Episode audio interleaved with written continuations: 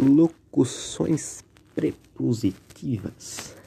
As locuções prepositivas são grupos de palavras que juntas têm a função de preposição.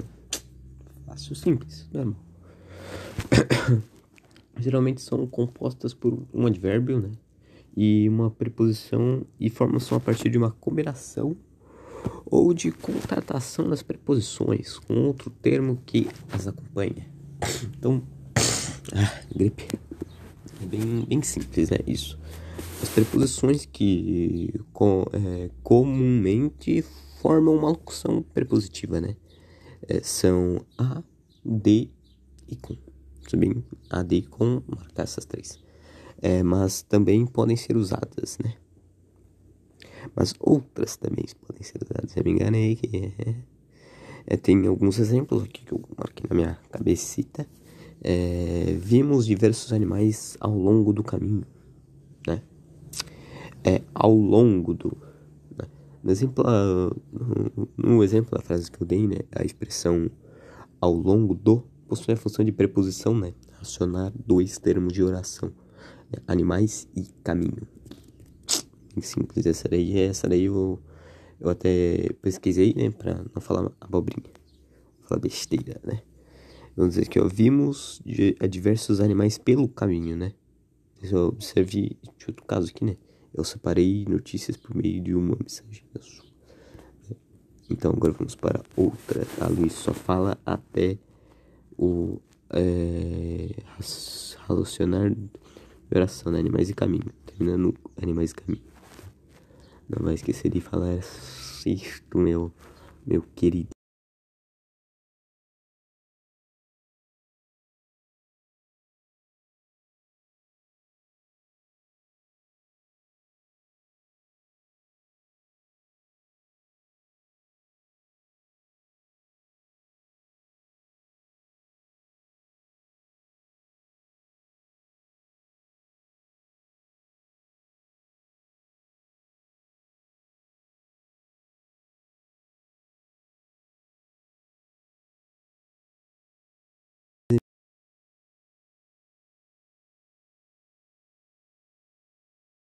Você deve estar se perguntando aí, meu jovem mancebo. Olha, que o locução adverbial é um dos termos constituintes da oração. Pegaste, pegaste. É, pode desempenhar a função de advérbio, alterando os sentidos de um verbo.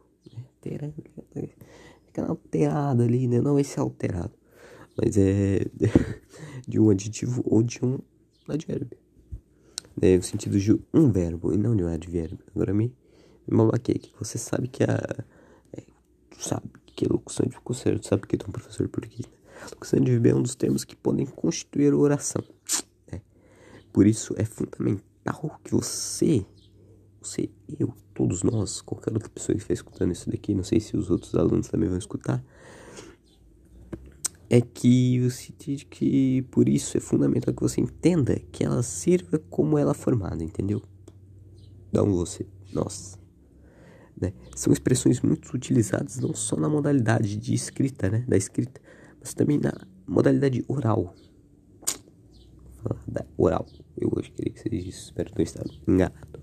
Chamamos de locução adverbial, por isso, um conjunto de duas ou mais palavras que, quando agrupadas, quando juntinhas, é, desempenham a função de advérbio.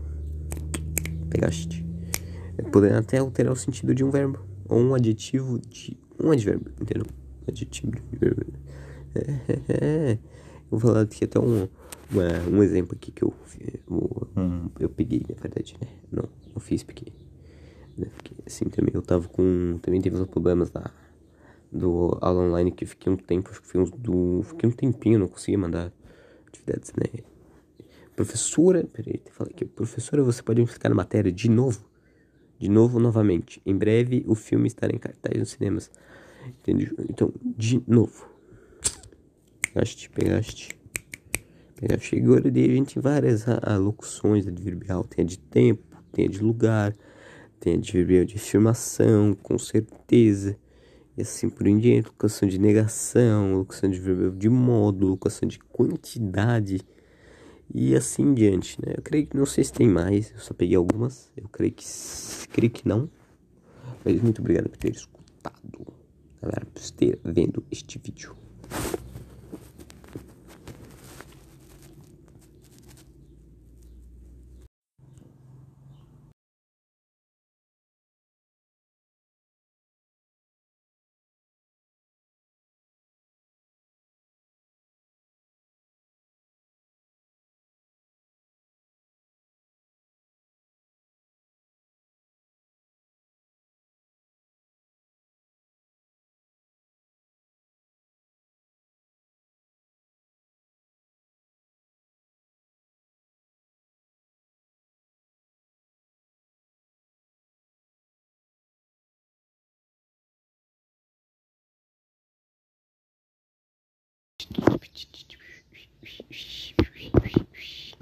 Ó, é, não é raro, né? Confundo-se locução prepositiva e locução adverbial devido à utilização de é, é, palavras idênticas de formação de expressão. Uma locução prepositiva, né?